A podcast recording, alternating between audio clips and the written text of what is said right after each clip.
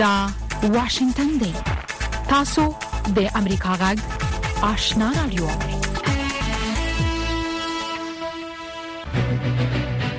قدرمن اوریدونکو السلام علیکم زه شافیا سردار یم دا د امریکا غږ آشنا رادیو خبرونه پیل شوه لومړی به خبرونه واوري.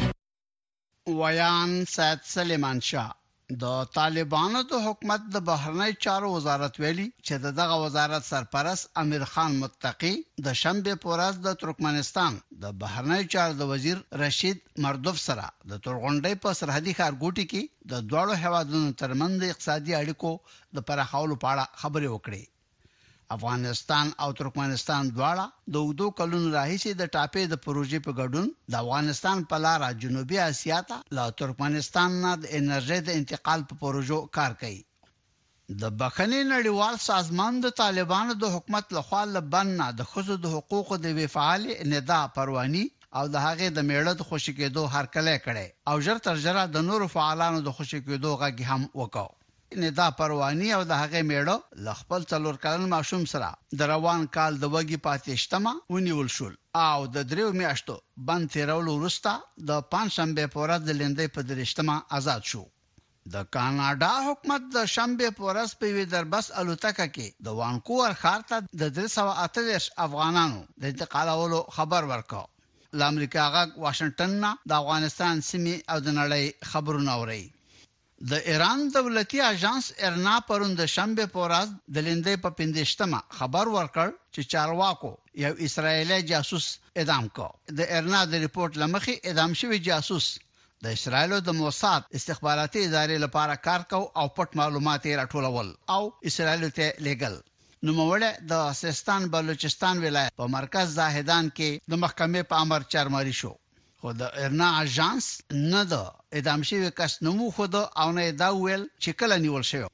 له بلې خوا د ایران سیستان بلوچستان په ولایت وړمه ورځ د پولیسو په یو مرکز برید چې د جمعې په ورځ د پاکستان له پولې سره څېرمه وشو، یوولس تنه ایراني پولیس پکې ووژل شو. پاکستان د شنبې په ورځ وویل چې د لومړي ځل لپاره له مصنوعي باران نه د سماګ یا لوخړې د لرې کولو لپاره د لاهور په ښار کې په بریالیتوب استفاده وکړه. د هوا د الودګۍ په حساب لاهور د نړۍ بدترینو غټو ښارونو په جمله کې حسابیږي. په داسې حال کې چې په غزه کې د حماس په خلاف د جنګ له امله له اتلس زرو نه زیات فلسطینیان چې د امریکا د سي بي ایس تلویزیوني شبکې د یو تازه رپورټ له مخې اویا په سلو کې ښځې او ماشومان ووژل شوي دي، د امریکا غږ د ډیپلوماتیکي چارو خبریاله خبر ورکوي چې د بایډن د ادارې د ملي امنیت د شورا مشاور جیک اوسلوان اسراییل ته د سفر په مهال له اسرایلي مشرانو نه وغوښتل چې د پراخو او شدیدو هوایي بریدونو پر ځای دې د هدفي عملیاتو لاره غوره کړي. په عین وخت کې د الجزیرې د تلویزیوني شبکې یو خبریال د جمعې په ورځ د لېندۍ په څلور ویشت مه د غزې په جنوبي ښار خان یونس کې هوایي بمبارۍ په مهال وژل شوی او یو تن یې ټپي شوی. د فلسطیني قیدیانو د حقوقو سازمانونو له سور صلیب نه غوښتي چې د اسراییلو په زندانونو کې د نږدې څلور زره هغو فلسطینیانو احوال معلوم کړي چې د اکټوبر په اوومه په غزه کې د جنګ له پیل کېدو وروسته د اسراییلو پوځ د لویدیځ غاړې په اشغالي سیمو کې نیولي وو او بې له دې چې د کوم جرم په سرته رسولو یې تورن کړي په غیر انساني شرایطو کې په قید کې پراته دي.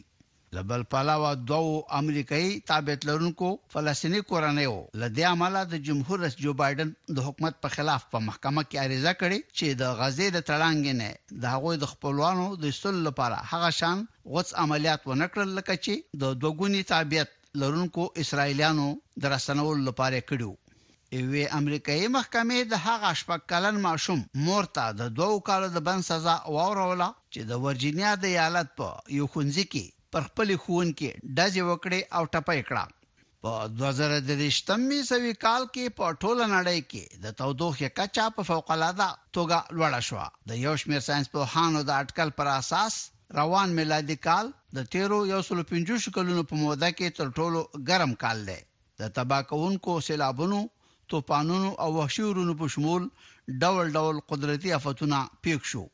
او په غزه او اوکراین کې د روانو جنګونو په وجه د نړۍ په یو شمېر ناکراره هېوادونو کې چېرې چې د مرګ خطر زیات دی، د دې ډول خطرناکو وضعیتونو لپاره د ژورنالستانو، خیریه موسساتو د داوطلبانو او د روغتیايي کارکوونکو د خوندي کولو اړتیا هم زیاته شوې. د خبرونو پای.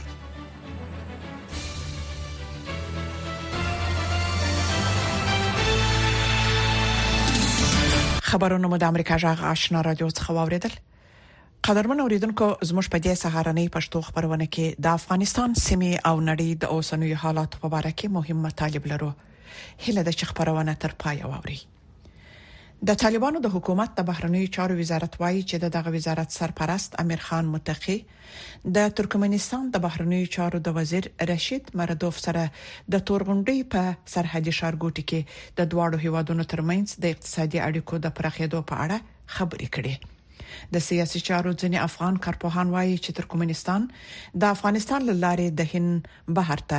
د رسیدو هڅه کوي پام وکړئ په دې اړه د کابل څخه د امریکا جغ آشنا رادیو د خبريال اکرام شینواری رپورت ده د طالبانو د حکومت د بهرنی چارو وزارت مرستيال ویان ضیا احمد تکل رسنیو ته په یو استولي غږیز پیغام کې ویلي چې د بهرنی چارو وزارت سرپرست مولوی امیر خان متکی د شنبه پورز تورغونډي په سرحدي خارګوټي کې د ترکمنستان د بهرنی چارو وزیر رشید مردوب او مل پلاوی سره د دواړو هیوادو ترمنځ د اقتصادي اړیکو د پراخېدو او د راکړې ورکړې د زیاتېدو په لارو چارو خبرې کړې په هرات کې د دغه افغان ترکمنستاني لوړپوړي هیئت موخه د دواړو هیوادونو ترمنځ په سادي، ټرانزیټي، ریل پټلۍ، برېښنا او انرژۍ برخو کې د ګډو پروژو د عملي جریان لیدنه او وده ورکول دي. ترکمنستان د منځنۍ اسیا په هغو هېوادو کې شامل دی چې د افغانستان د پخواني او د طالبانو د حکومت سره ښې اړیکې لري. ترکمنستان د افغانستان په څېر په وچه کې پروت دی او د افغانستان له لارې د جنوبي اسیا سره د نښلولو هڅې کوي. د سیاسي چارو یو کارپو احمد سیدی په دې باور دی چې ترکمنستان د هرات ولایت د تورغونډۍ د بندر او د فاریاب ولایت د اقینې د بندر له لارې افغانستان سره سوداګرۍ د پراخېدو هڅې کوي خو خاغلی سیدی وایي چې افغانستان ته د ترکمنستان او د ځینو نورو هیوادو د پلاو د سفرونو هدف تر ډیره د امنیتي وضعیت ارزونه ده سفرهایی را که به قامات ترکمنستان یا انگلیس یا کس دیگری میکنه به افغانستان اینا تمام سفرها ارزیابی استخباراتی است که یعنی در افغانستان چی میگذره چی کارهای هست چی کارهای باید بشه ما چی کار کرده میتونیم فقط اکثر در تلاش معلومات استخباراتی هستند افغانستان او ترکمنستان د اوږدو کلونو راهیسې د ټاپي د پروژې په ګډون د افغانستان له لارې منځنۍ اسیا ته د انرژۍ د انتقال په پروژو کار چې د 2020 کال د اگست په میاشت کې په افغانستان کې واک ته د طالبانو د بیا رسیدو وروسته نړیوالو تمویلونکو ادارو دغه پروژو د تمویل څخه لاس اخیست حکومت دی او دا پروژې د ناڅرګند برخلیک سره مخ شوې دي تیر میاشت د افغان پنګوالو یوې ډلې پریکړه وکړه چې د ترکمنستان څخه افغانستان ته د برېښنا د 1500 کیلو ولټو د مزي د غځولو په نیمګړي پروژې کې پنګونه وکړي او دا پروژه تر راتلونکو دوه کالو بشپړه کړي د ترکمنستان د بهرنی چارو وزیر په مشرۍ د طالبانو د حکومت د بهرنی چارو د وزیر سره د خبرو د پرادا پلاوی په داسې حال کې تر غونډې ته سفر کړي په تیر ونې کې د افغانستان لپاره د برتانیا شارژ داپر کابل ته هم د ازبکستان یو پلاوی د بلخ ولایت سفرونه کړی په دې وخت کې د طالبانو د حکومت برېښنا شرکت رئیس په مشرۍ یو پلاوی ازبکستان ته د سفر پر مهال د جمعې په ورځ د ازبکستاني چارواکو سره له دغه هوا څخه افغانستان ته د وارداتي برېښنا تړون د یو بل کال لپاره لاسلیک کړی دی د طالبانو د حکومت تر کنټرول لاندې د برېښنا شرکت په یو خبرپاڼه کې ویلي چې د دې شرکت اجرایي رئیس ملا محمد حنیف حمزه تاشکند ته د سفر په ترڅ کې د ازبکستان د برېښنا وزیر مرزا محمدوف جورابیګ او د دغه هیواد د برېښنا ملي شرکت له رئیس دادا جان ایسا کولوب سره په کتنو کې افغانستان ته د برېښنا د کچې د زیاتېدو د برېښنا د تعرفي د ټیټېدو د برېښنا شرکت تخنیکی کارکونکو ته د ویزو د ستونزو د حل او د سرخان په لخمري برېښنا پروژې په اړه خبرې کړې افغانستان د ازبکستان سره د 350 میگاواټه برېښنا د واردولو تړون لري خو په دغه هیواد کې د برېښنا په شبکه کې د تخنیکی ستونزو لامل دا هیواد افغانستان ته په کمه کچه برېښنا برابرې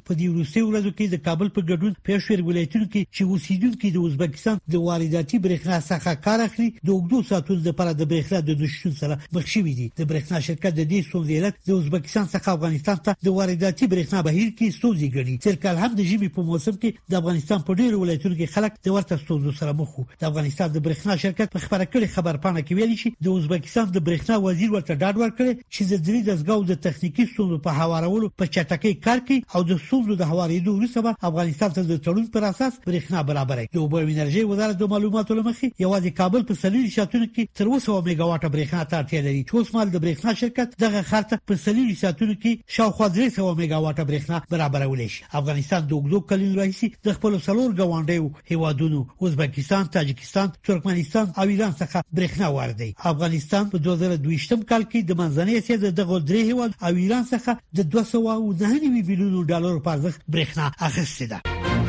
انتظار پای ته ورسید ترنو لیدونکو او اوریدونکو تاسو کولی شئ د امریکا غټ ټلویزیونی او رادیوي خبرونه د یاشار ساتلایت له طریقو وګورئ او واورئ د نوي ساتلایت لارې تاسو د آشنا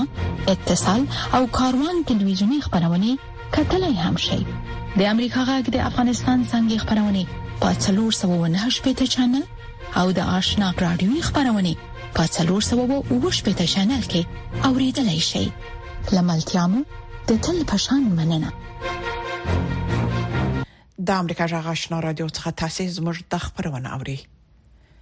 د بخښنې نړیوال سازمان د طالبانو لبند څخه د شذو د حقونو د فعالې ندا پرواني او د هغې د میړه د خوشی کېدو هرکلی کړی دی دغه سازمان پر طالبانو ژغ کړی دی چې پاته فعالان دي هم لقیده خوشی کړي د بل خو د افغانستان په اړه د ملګرو ملتونو یو تازه راپورټ خبرګونونه راپارولې دي نور تفصيل پر راپورټ کې ووري د بښه نړیوال سازمان د طالبان له زندان څخه د میرمن د حقونو د فعال ندا پرواني د خوشی کېدو هرکلی کړی خو ویلي چې په کار نه و چې دا خزینه فعاله په زندان کې اچول شوی وای د بښه نړیوال سازمان د خزو د حقونو د مدافعانو جولیا پارسی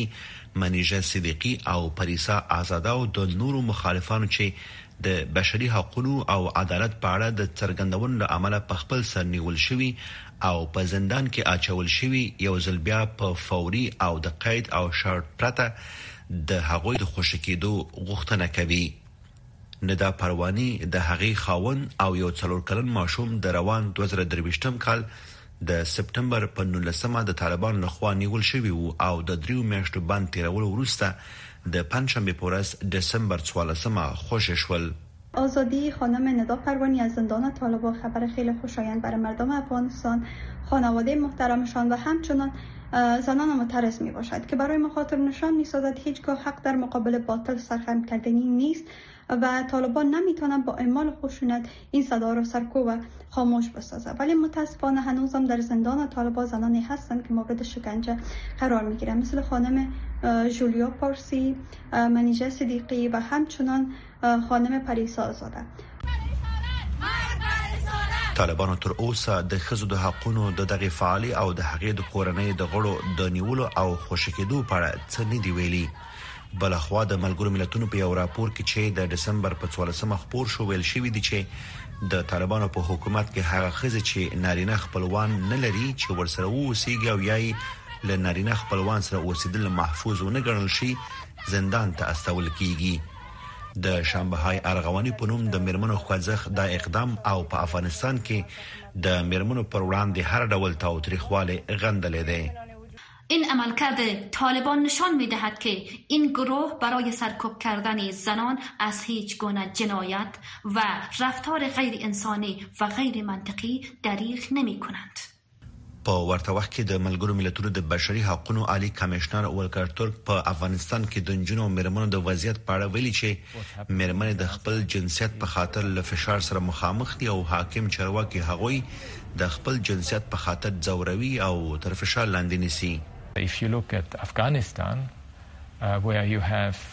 basically a de facto authority that که افغانستان ته وګورئ، حاکم چارواکي مېرمنې او نجونې د جنسیت له کبله په سیستماتیک ډول ځوروي.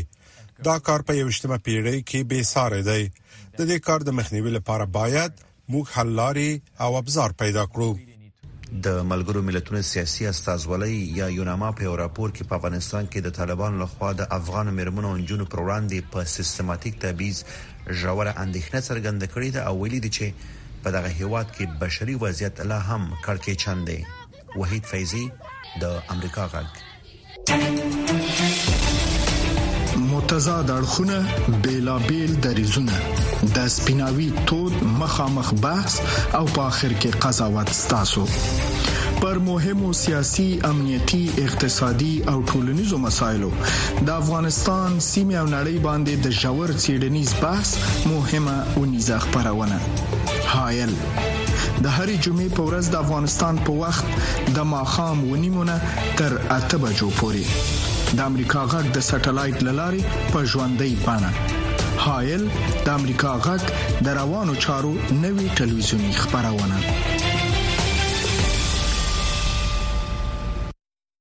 د امریکا جغ آشنا رادیو څخه رپورټونو ته دوام ورکوي د اسرایل او حماس په جګړه تر اوسه څه باندې 13000 فلسطینیان وژل شوي دي د امریکا د حکومت یو لوړپوړي چارواکي د اسرایل له لومړي وزیر څخه د عملیاتو د شدت راکمولو غوښتنه کړې ده دغه چارواکو له اسرایل غوښتي چې خپل عملیات پر مشخصو هدفونو متمرکز کړي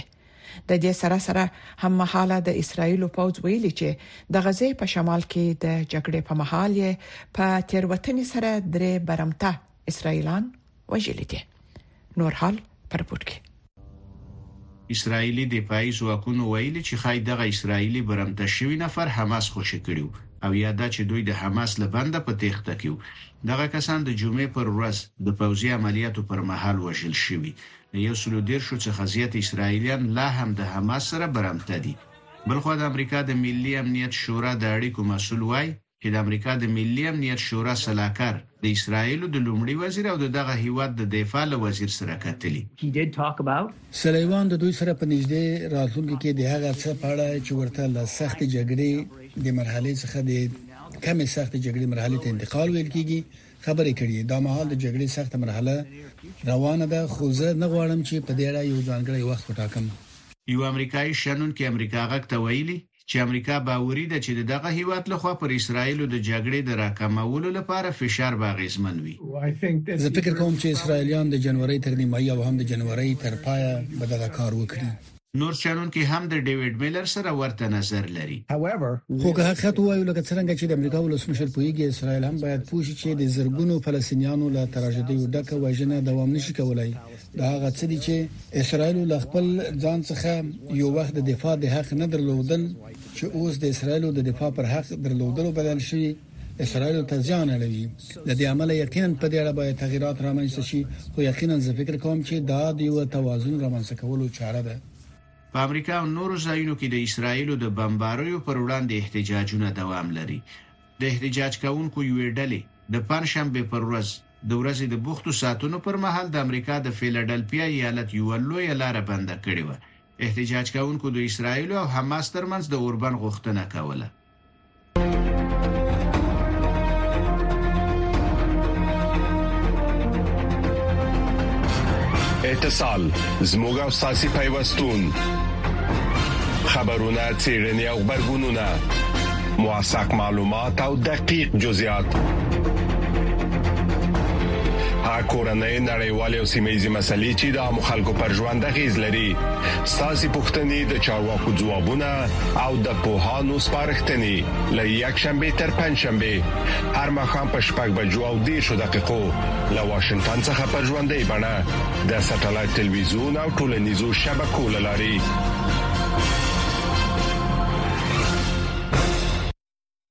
د امریکا جغ آشنا رادیو څخه تاسو زموږ د خبرونه اوري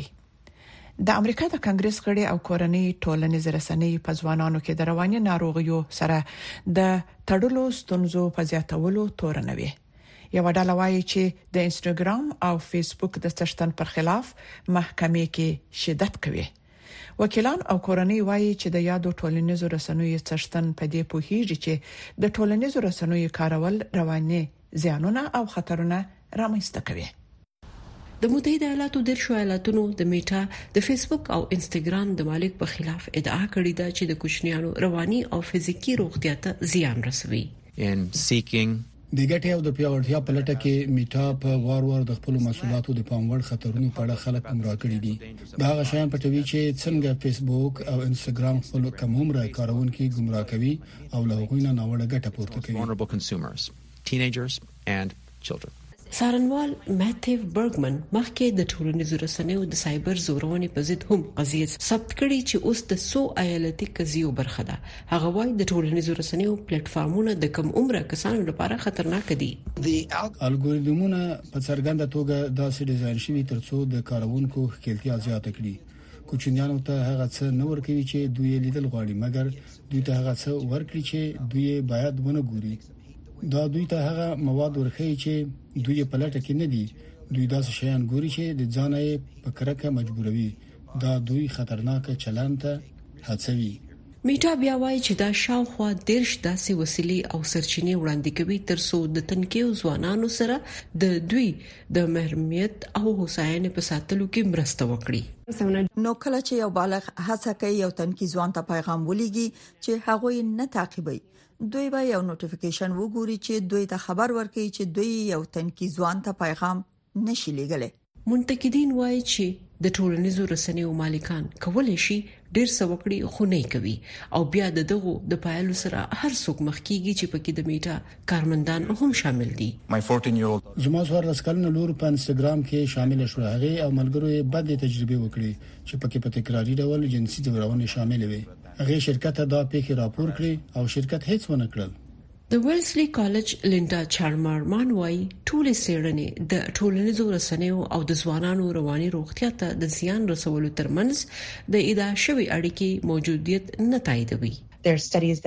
داسې څېړنې موجودې دي چې ښيي چې د ټولنیزو رسنیو کارولو ګټې شتون لري او داسې مطالعات هم موجود دي چې ښيي چې ستاسو د هوساینې او ستاسو د ټولنیزو رسنیو کارولو ترمنځ هیڅ تړاو شتون نه لري. په یو جلا قانوني پرمختګ کې میټا د فدرالي سوداګرۍ په کمیسیون دعوه کړې ده ترڅو د دوه زره شلم کال د محرمیت تصفیې له بیا پرانستلو یې منع کړي. په دې کې میټا د محرمیت سرغړونو لپاره پنځه میلیارد ډالر جریمې ورکول شامل دي. فدرالي اداره وایي چې میټا د دې تړون سره په بشپړ ډول پلي کولو کې پاتې راغلې او په یو تړون کې د بدلون په لټه کې دی چې د اتلس کلونو نه کم عمر کارکوونکو څخه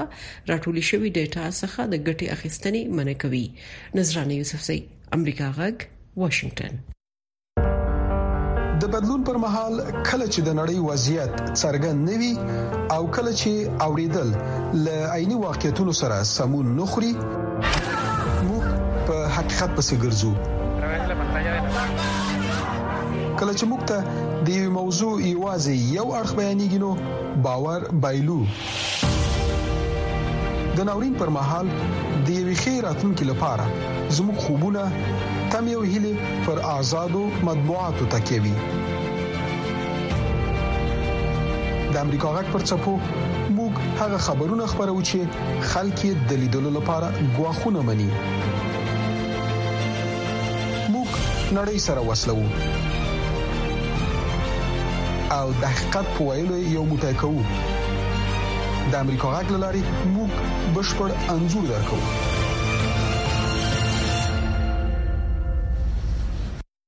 رپورټونو ته دوام ورکوه قدرمن اوریدونکو د کرکټ په وروستي نړیوال جام کې د افغان لوبغاړو تاریخي بریاوو په ځوانانو کې د کرکټ لپاره مینه او شوق نور هم زیات کړی دی اوس مهال د افغانستان په مختلفو لوبغاړو او اکاډمیو کې ځوانان په لوبو او تمریناتو بوخت دي او هر یو دا ارمان لري چې ورځ به په نړیواله کچه د افغانستان استازیتوب کوي نور حال په دې راپور کې د کابل په یو کرکټ اکاډمۍ کې د کرکټ ځوان لوبغاړي په تمریناتو بوخت دي او دوی کې د کرکټ مینه له هغه ورځ ډیره زیاته شوې ده چې کله د تیر اکتوبر په میاشت کې افغانستان د کرکټ نړیوال جام کې پاکستان، انګلستان، سریلانکا او هالند ته سترې ماتې ورکړې. تاسو سره مې ډېر زیات مینه سره برکم وه نو اوس وخت یې ماشاءالله افغانستان کې ډېر ښه ټیم کې لوبې کوي خپل راشد خان ما ډېر زیات خوښېږي هغه وجه وه چې ما کرکټ شروع کړ او راشد خان فالو کوم په افغانستان کې د کرکټ تاریخچه ډېره اوږده نه ده هغه افغانان چې څلور لسیزې پاکستان ته مهاجر شوي وو د هغوی ماشومان له پاکستانه د کرکټ لوبه هم وطن ته راوړه او نن ورځ په ټول افغانستان کې ځوانان د کرکټ د لوبې سره بلد او مینه لري. خو دغه لوبه ولې رواج شوه؟ دغه اصلي لامل مهاجرت ده. زموږ افغانان کله چې مهاجر شوي دي، هغه یا به پاکستان ته تلل، یا به هند ته تلل، یا به نږدې ممالکو ته تلل. په هغو ممالکو کې دغه لوبې ډېر رشد کړی و، کرکټ، نو دغه یو لامل شو کله چې دوی خپلو هېوادو ته راستانه شول، له ځان سره یې کرکټ راوړ. افغانستان د کرکټ په قریب درې لسیزو کې ډېره وده کړې. افغانستان د کرکټ په نړیوال ډګر کې یو ستر نوم ګټلی دی. لوبغاړي د کرکټ په اوله درجه لوبغاړو کې یادېږي او د افغانستان دننه د کرکټ لوبه اوس د یوه ورزش څخه زیات په یوه احساس بدله شوې ده. د کرکټ په نړیوال جام کې پاکستان ټیم ته د ماتې ورکولو څخه پس د افغان کرکټ مینوالو د خوښیو څخه دا څرګندیږي چې کرکټ د افغانانو لپاره څومره زیات ارزښت لري. کډوال لا روان دي ان شاء الله لا ملک ته ودان بشي ټول عمر سخت ډیر تیر کړل ان شاء الله نور پر هیر روانه ده آبادی روانه ده تر څو پورې به پر دې ملک مهاجر مونږه څه وخت چې افغانستان پاکستان ته د کرکټ نړیوال جام کې ماته ورکړه نو د لوبې غوره لوبغاړی ابراهیم ځدران خپل ګټلی انعام د هغو افغان کډوالو په نوم کړ چې پاکستان په زوره بیرته خپل وطن ته ستانه کړي وه. چې په داسې شرایطو کې چې نن سبا زموږ هیواد قرار لري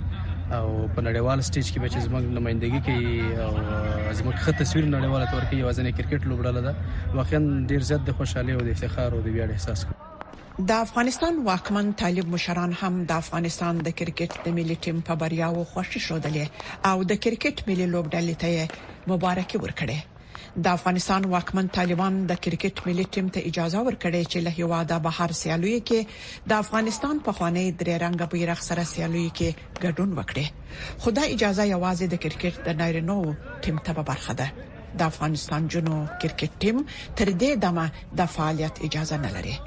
د افغانستان کرکټ بورډ وايي چې دا وخت افغانستان کې قریب 15 د کرکټ اکاډمۍ فعال دي او د کرکټ ځوان لوبغاړو لپاره هم ممکن سهولت برابروي ترڅو افغانستان په راتلونکي کې نور هم ښه لوبغاړي ولري او د افغانستان نوم روښانه وساتي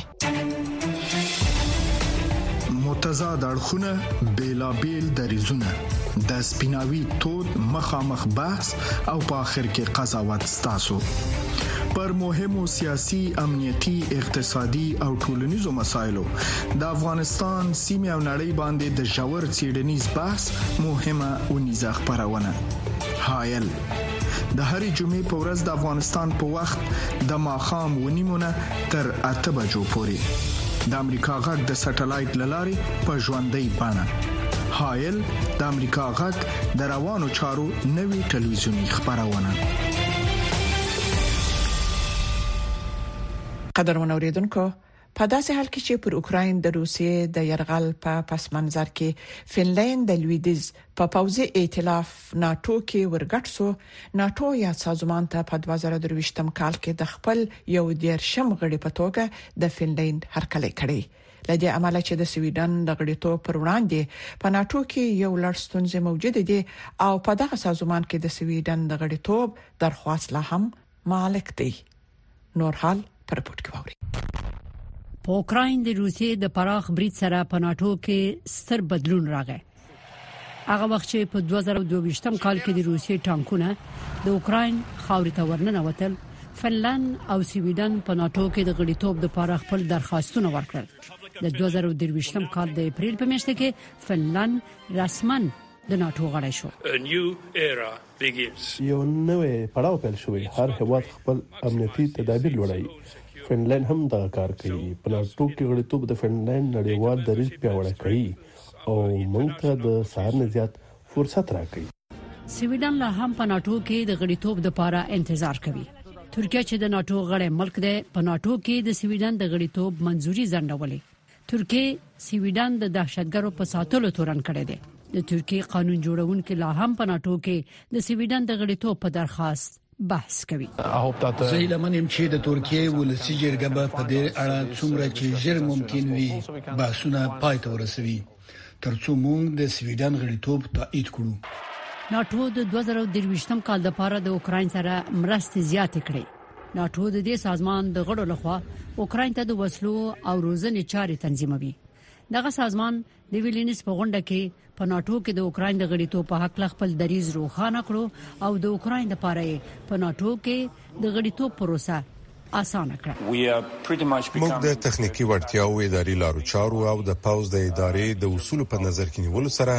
تقریبا د ناتو د پاوز بل قوه برخه کیدونکې یو